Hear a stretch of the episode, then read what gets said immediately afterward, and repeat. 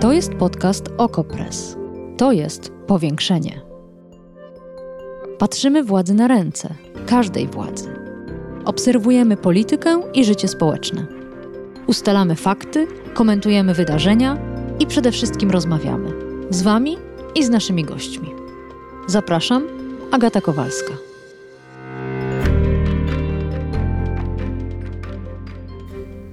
Pan Tomasz napisał: Jestem po pierwszej dawce. Przez parę dni czułem się osłabiony, ale czekam na następną. Pan Michał: Jestem po szczepieniu. Dwa dni objawów grypopodobnych i tyle. Nie rozumiem całego zamieszania. Pan Łukasz: Ja również jestem po pierwszej dawce. Pierwsze dwa dni miałem objawy grypopodobne. Czekam na drugą. Słuchacz: z rodziny zaszczepił się brat, dwóch kuzynów i kuzynka. Wszyscy znieśli szczepienie bardzo dobrze, żadnych przykrych objawów.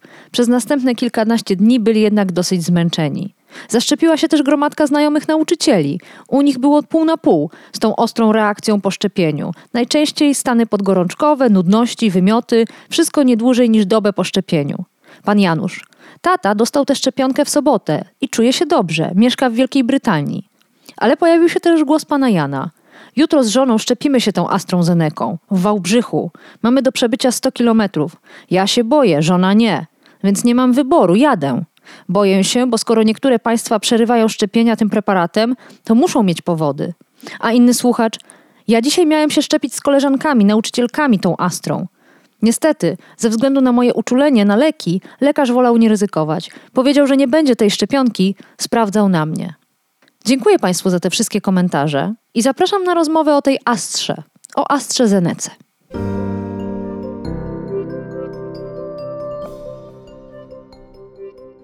A gościem powiększenia jest Miłada Jędrysik, dziennikarka naukowa Okopres. Dzień dobry. Dzień dobry. Irlandia, Norwegia, Islandia, Dania, Austria, Estonia, Litwa, Łotwa, Luksemburg, Włochy i Holandia. Wszystkie te kraje wstrzymały użycie szczepionki AstraZeneca. A Polska? Polska nie wstrzymuje. Dzisiaj e, minister zdrowia Adam Niedzielski powiedział to na konferencji prasowej. Wytłumaczył też dlaczego. E, dodajmy jeszcze do tej listy Niemcy, które właśnie kilka minut temu e, poinformowały o tym, że też zawieszają szczepienia. A co z tą Polską? Co powiedział minister tak. Niedzielski? Tak. Minister Niedzielski powiedział, że bardzo dokładnie to oczywiście wszystko obserwują i badają.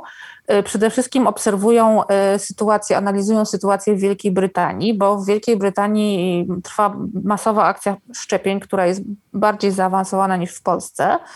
I tam AstraZeneca już prawie 10 milionów osób zaszczepiono. Jest tam też bardzo dobrze rozwinięty system zgłaszania tych niepożądanych odczynów szczepiennych i tam zgłoszono według ministra Niedzielskiego 52 nopy. To jest niecałe 5 promili wszystkich tych szczepień. Minister podał także polskie dane. Jest 583 tysiące szczepionek y, już zużytych, y, odsetek nop poniżej 4 promili. To jest bardzo mało. Ale dlaczego te pozostałe kraje nie mhm. obserwują Wielkiej Brytanii, tak jak Polska i minister Niedzielski, tylko, jak słyszymy, kolejne, w tym Holandia i Niemcy ostatnie, e, zawieszają te szczepienia. No ja myślę, że przede wszystkim tutaj chodzi o opinię publiczną, tak? O uspokojenie opinii publicznej. No, Niemcy akurat to jest taki dobry przykład, bo jest to też kraj, który pod presją opinii publicznej zrezygnował z energii atomowej. Więc y, tutaj wydaje mi się, że to jest ten główny argument, no bo po prostu y, ludzie zaczęli się bać. Y, I teraz pytanie oczywiście, czy te strachy są, y, mają jakieś podstawy. No, Ale nie, to, jest, się... to zaraz powiemy o tych tak? strachach. Ale zostańmy na chwilę przy polityce zdrowotnej, która budowana jest na podstawie opinii publicznej. Gdyby tak było, mhm. to w Polsce już dawno nie byłoby żadnych szczepień. A jednak są. Czy y, decyzja, jaką podejmuje polski rząd, oparta jest rzeczywiście wyłącznie na obserwacji sytuacji w Wielkiej Brytanii, czy też również oparta jest na tym, że w Polsce mamy tak dramatyczną trzecią falę, że nie możemy sobie pozwolić na wycofanie AstraZeneki? Myślę, że masz absolutną mhm. rację. Nie możemy sobie pozwolić na wycofanie AstraZeneca w tej chwili i robimy wiele rzeczy, żeby te szczepienia przyspieszyć. Miałam takie podejrzenie, które dzielę też z Piotrem Pacewiczem, naszym naczelnym, że myśmy się dzisiaj pytali na konferencji prasowej y, ministra Dworczyka, który jest odpowiedzialny za szczepienia, jak dużo jest osób rezygnujących ze szczepień preparatem AstraZeneca, nie chcących się zaszczepić albo po prostu nie przychodzących na szczepienie. Jak patrzymy na y, wszystkie dane, to wynika z nich, że Pfizerem wszystko, co dostajemy, wyszczepiamy, tak? To idzie do punktów szczepień, znika. To samo jest z Moderną, a ciągle jest 500 tysięcy około dawek AstraZeneki, które wszystko wskazuje na to, że leżą w punktach szczepień. Na ile bardzo duża obawa przed tymi szczepieniami powoduje, że ludzie nie chcą z tych dawek korzystać. Ale czy padła ta odpowiedź na konferencji prasowej o to, czy my w ogóle wiemy, ile osób się wycofuje? Inne kraje, i to o tym mogłam przeczytać choćby w Twoich tekstach, w mhm. tekstach Piotra Pacewicza na mhm. Okopres, prowadzą takie statystyki. Co z Polską? Czy my, mhm. my wiemy? No właśnie nie padła ta odpowiedź. Minister Dworczyk powiedział, że nie ma jeszcze statystyk e, z zeszłego tygodnia, oni na te statystyki czekają. Czy wydaje mi się, że, że, że ten odsetek nie jest duży. Nie wiem jak jest, no, no znaczy na pewno to ma też ten aspekt polityczny i, i polityczny, może też zdrowotny, żeby jak najwięcej ludzi przekonać jednak do szczepień w jak nie podawać pewnych bo... danych. No to akurat y, znamy już od marca. Ale tak, z tą mhm. AstraZeneką ewidentnie coś jest inaczej. Nie szczepimy nią seniorów, ani osób o osłabionej odporności. Teraz okazuje się, że być może, jest to sprawdzane, ta szczepionka powoduje krwi. Czy ona po prostu jest gorszym preparatem niż Pfizer czy Moderna? No to jest szczepionka, która przede wszystkim a miała pecha, B miała bardzo zły PR. Przede wszystkim w momencie, kiedy ona została, e, kiedy wyniki badań klinicznych trzeciej fazy zostały ogłoszone, od razu pojawiła się taka opinia, że ona jest gorsza, bo mieliśmy Pfizera i mieliśmy Modernę, czyli dwie szczepionki tej najnowszej generacji mRNA, które miały mieć bardzo wysoką skuteczność w testach klinicznych, powyżej 90%, co w ogóle jest szokiem w świecie e, wakcynologii. To, to, to się rzadko takie rzeczy zdarzają, takie takie wspaniałe rezultaty. A potem się pojawiły badania kliniczne AstraZeneca, z których wyszło, że ta skuteczność jest kilkanaście punktów procentowych mniejsza. No więc od razu jakby padło takie podejrzenie, że może ta szczepionka jest gorsza. No ale A teraz, tymczasem ale prawda jest taka... Ale seniorów nią nie szczepimy, osób o osłabionej no odporności. Poczekaj, I tak, tak, jak pisał tutaj jeszcze słuchacz, mhm. lekarz powiedział, na panu tej szczepionki e, testować nie będę, więc czym ona się różni? Z jakiegoś powodu ma te wyniki gorsze? No z, tak, zaraz do tego dojdę. Przede wszystkim pan, jeżeli ma uczulenie na leki, to zdaje się, że nie dostanie żadnej szczepionki, bo, bo również Pfizer ma, były przypadki reakcji anafilaktycznej, więc obawiam się, że niestety pan no, będzie musiał poczekać, aż my się wszyscy zaszczepimy. A pani Agata, która jest uczulona na salicylany? A to pani Agata, no to lekarz kwalifikujący powinien wiedzieć, jaka jest charakterystyka produktu leczniczego i czy te salicylany tam występują mm -hmm. w, mhm. y, w, składzie, tak? No pani Agata, pani Agata na to odpowiada, jeden lekarz to... mówi tak, a drugi inaczej. E, no, no to przejdźmy do, tego, do tych różnic y, między AstraZeneką a Pfizerem tak. Moderną przede wszystkim Moderna i Pfizer robiły najwcześniej te testy kliniczne trzeciej fazy, kiedy jeszcze nie rozprzestrzeniały się inne warianty wirusa, na które te szczepionki są mniej skuteczne. I to jest jakby jeden element ich sukcesu. A drugi element ich sukcesu jest taki, że AstraZeneca robiła właśnie bardzo szeroko te badania kliniczne i robiła też y, w Ameryce Południowej, robiła w Republice Południowej Afryki, czyli tam, gdzie już pra y, prawdopodobnie te nowe warianty wirusa były i stąd wykazała mniejszą skuteczność w tej trzeciej fazie badań klinicznych. Potem się zresztą okazało, że jeżeli się, y, no bo te badania ciągle trwają, tak, ciągle się analizuje teraz y, na, na prawdziwej populacji, więc to jest jeszcze bardziej wartościowe, że jeśli się przesunie drugą dawkę AstraZeneca w czasie, to wtedy ta skuteczność jest jeszcze większa, tak, ona sięga 84%, więc nic nie wskazuje na to, żeby AstraZeneca miała być gorsza pod względem samej skuteczności. Mamy bardzo dobre dane właśnie też z Wielkiej Brytanii, które pokazują, że, że bardzo spada zachorowalność i ciężki przebieg choroby i zwony. Na przykład dla Szkocji są to na przykład takie dane, że AstraZeneca zmniejszyła ryzyko hospitalizacji o 94% po przyjęciu pierwszej z dwóch dawek szczepionki. To jest bardzo dobry wynik. Pytałaś też, dlaczego nie szczepimy seniorów. 70 mhm. roku życia nie szczepimy. Dlatego, że y, jak y, pamiętamy, ta szczepionka została opracowana przez naukowców z Uniwersytetu Oksfordzkiego.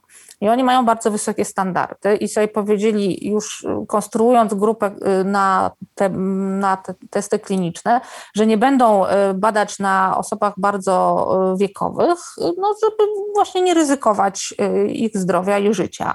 W związku z tym jest y, stosunkowo mała grupa osób, która właśnie w wieku powyżej 70-75 lat, która została przebadana w trzeciej fazie badań. I dlatego ta szczepionka nie jest w różnych krajach teraz to jest różnie, bo na przykład y, WHO, Światowa Organizacja Zdrowia mówi, że można w każdej grupie wiekowej je stosować, ale państwa są ostrożne i, i u nas mhm. jest w tej chwili rekomendacja, że można ją stosować do 70 roku życia. A to teraz dwa głosy. Ale tu nie ma żadnej, y, żadnego tam sztuczki, triku, po mhm. prostu zbyt mała grupa kontrolna. Dwa głosy y, dwóch różnych słuchaczy. Jeden. Firma mhm. zawaliła sprawę z badaniami, brak jednolitych protokołów badań, brak jasno zdefiniowanych punktów ewaluacyjnych, zabawy z agregowaniem danych i tak dalej. Wszystko dlatego, że celem tej firmy była rekomendacja WHO i sprzedaż do krajów rozwijających się. A na to drugi słuchacz, pan Roman, pisze: Profesjonalna firma, ogromne możliwości rozwoju, produkt wysokiej klasy, opinie zaszczepionych są spójne, złe samopoczucie jest po podaniu, a potem wszystko się normuje. Ja się nie boję, a nagonkę na AstraZenekę uważam za brudną robotę konkurencji. Który z nich jest bliżej no prawdy? Naprawdę są takie wpisy, tak? Tak, no Myślę, że obaj panowie wydają, mają takie wrażenie, że są doskonale poinformowani, więc ja nie wiem, czy tu mogę między tych dwóch panów w ogóle się jakoś wpychać. No na pewno ważne jest to, że rzeczywiście tam były, jeżeli chodzi o badania kliniczne AstraZeneki, były pewne wątpliwości, oni tam popełnili ten głośny błąd, że część tej grupy, która dostawała prawdziwą szczepionkę, część tej grupy przez pomyłkę dostała e, jedną z dawek o połowę mniejszą i okazało się, że to bardzo bardzo dobrze wpływa na skuteczność szczepionki, więc teraz się bada to inne dawkowanie. Mhm. I teraz przejdźmy do najnowszego e, mitu, czy też faktu na temat AstraZeneki. Ma ona powodować zakrzepy krwi i być zatem groźna dla życia. Co wiemy o tym objawie i czy w ogóle już wiemy, czy, czy on jest spowodowany szczepieniem, czy po prostu występował e, koincydencjalnie u pacjentów? Nie wiemy, absolutnie tego nie wiemy i obawiam się, że też nie będziemy wiedzieć szybko, tak? No bo żeby ustalić, że rzeczywiście wpływ na takie stany miało, miała szczepionka, no to będzie wymagała bardzo długich badań prawdopodobnie. Natomiast co my wiemy? Wiemy, że na przykład w Europie y, zaszczepiono około 5 milionów osób y, preparatem AstraZeneca i mamy takie dane z Europejskiej Agencji Leków, że takich epizodów y, zakrzepowo-zatorowych było 30. Czyli jeszcze raz powtórzę, 5 milionów dawek, 30 incydentów y, zakrzepowo-zatorowych. Słuchacz napisał, prawdopodobieństwo dostania zatoru podczas długiego lotu samolotem jest 100 razy wyższe niż po szczepieniu szczepionką AstraZeneca. Czy ktoś się tym przejmuje? No, zwykle w czasie lotu w takim samolocie 100 pasażerów, czy tam y, więcej, z dwie osoby może wstaną i się przejdą po korytarzu, więc chyba hmm. mało kto. Czy w takim razie rząd powinien dopuścić AstraZenekę do kolejnych grup? Czy powinniśmy korzystać z tej szczepionki, zwłaszcza, że inne kraje w tym momencie się wstrzymują i być może jest nawet większy dostęp do tego preparatu? Wydaje mi się, że powinny. No, jest tak e, dramatyczna w tej chwili różnica pomiędzy tym, co e, mówi nam statystyka o występowaniu e, incydentów zakrzepowo-zatorowych, a tym, ile pojawiło się po szczepionce, że nie widzę powodu, natomiast no, rozumiem te lęki ludzkie. Mhm. Tak? Profesor Małgorzata Jacyno bardzo to jakoś tak celnie, mówiąc, kiedyś rozmawiałam z nią o lękach współczesnego człowieka i ona zauważyła, że to naruszenie bariery skóry jest dla człowieka czymś takim, co budzi wielki lęk. Boimy się szczepionek, boimy się szczepienia, boimy się oczywiście, że nas ktoś zrani, ale na przykład nie boimy się wdychania czegoś trującego, tak? Już smok nam nie przeszkadza. Słuchaczka jedna napisała, że e, raz na miesiąc idzie na hamburgera i frytki, przyjmuje o. taką dawkę chemii, że nie boi się szczepionki. A jeszcze chciałam Dokładnie. zapytać o jedną rzecz, bo Michał e, Dworczyk mhm. dzisiaj na tej konferencji wspomnianej powiedział, że jutro zaszczepimy 3 milionowego pacjenta pierwszą dawką. Tak. Mhm. Dlaczego to idzie tak wolno? Ja muszę jednak zadać to pytanie. No idzie tak wolno, że, y, dlatego że po prostu tyle szczepionek mamy. Wszystkie szczepionki Pfizera, wszystkie szczepionki Moderny, które tylko dostajemy, natychmiast y, zostają rozdysponowane i użyte. No, A dostajemy y, zgodnie ludzi. z planem te szczepionki, czy dostajemy za mało? Jesteśmy pokrzywdzeni? Dostajemy, tak, znaczy my je dostajemy, bo my je dostajemy w ramach europejskiego mechanizmu, to wszystko koordynuje Unia Europejska mhm. i dzięki temu każdy dostaje proporcjonalnie do parytetu ludności, proporcjonalnie do liczby ludności. Czyli my dostajemy, powiedzmy, jak jest pula 100 milionów, to my z tego dostaniemy 8,5 miliona cirka, bo to będzie, nasza parytet to jest 8,45. Ale czyli Niemcy, Francuzi szczepią tak samo wolno jak my? Niemcy i Francuzi, tak, no Niemcy, y, tak, Niemcy szczepią tak samo wolno jak my i jest tam wielka też awantura, dlaczego jest tak mało szczepionek. A dlaczego jest tak mało szczepionek w Unii Europejskiej? No bo tyle się Unii y, udało y, wynegocjować. No jesteśmy w takim momencie, że wszyscy chcą szczepionki i jakoś w ogóle mnie nie dziwi, że, że, że w pierwszej kolejności dostała to, dostały to Stany Zjednoczone, no bo i Pfizer i, i Moderna to są koncerny amerykańskie.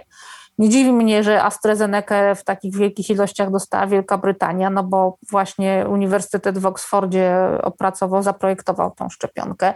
Nie dziwi mnie, że Izrael dostał mnóstwo i Pfizera i Moderny, ponieważ y, jest małym krajem, ma tylko 9 milionów mieszkańców, a jeszcze wpadł na taki naprawdę świetny pomysł y, z, punktu widzenia interesu państwa izraelskiego, że zaoferował tym obu firmom, że będzie takim jakby poligonem doświadczalnym, to znaczy dajcie nam ile szczepionek możecie nam dać, a my wam będziemy przekazać wszystkie dane o, o skuteczności, o niepożądanych odczynach szczepiennych. Będziecie mieć po prostu całe badania czwartej fazy. To jest właśnie ta faza badań, która jest już na, podczas szczepień populacji. Będziecie mieć je na talerzu. I dostali, dlatego są teraz liderami liderami w, w szczepieniach. No a dla Unii Europejskiej po prostu mówiąc brutalnie nie starczyło. To jest y, ten obraz szklanki do połowy pustej. No a szklanka do połowy pełna jest taka, że i tak jesteśmy w gronie tych bogatych szczęśliwców, którzy w ogóle dostają szczepionki, bo to jest mniej, absolutna mniejszość w tej chwili y, populacji świata. Eksperci liczą, że, że, że mieszkańcy Afryki dostaną szczepionki może za dwa lata w takich ilościach, żeby mogli rzeczywiście zaszczepić populację. Miłada Jędrysik, dziennikarka naukowa OKO.press. Bardzo dziękuję za rozmowę. Dziękuję. Powiększenie. Podcast OKO.press. Prowadzenie Agata Kowalska. Podcast znajdziesz na stronie OKO.press i w Twojej ulubionej aplikacji do podcastów. Redakcja OKO.press działa od 2016 roku. Jesteśmy obywatelskim narzędziem kontroli władzy, obecnej i każdej następnej. OKO.press utrzymuje się z Waszych darowizn. Wesprzyj nas, byśmy mogli działać dalej.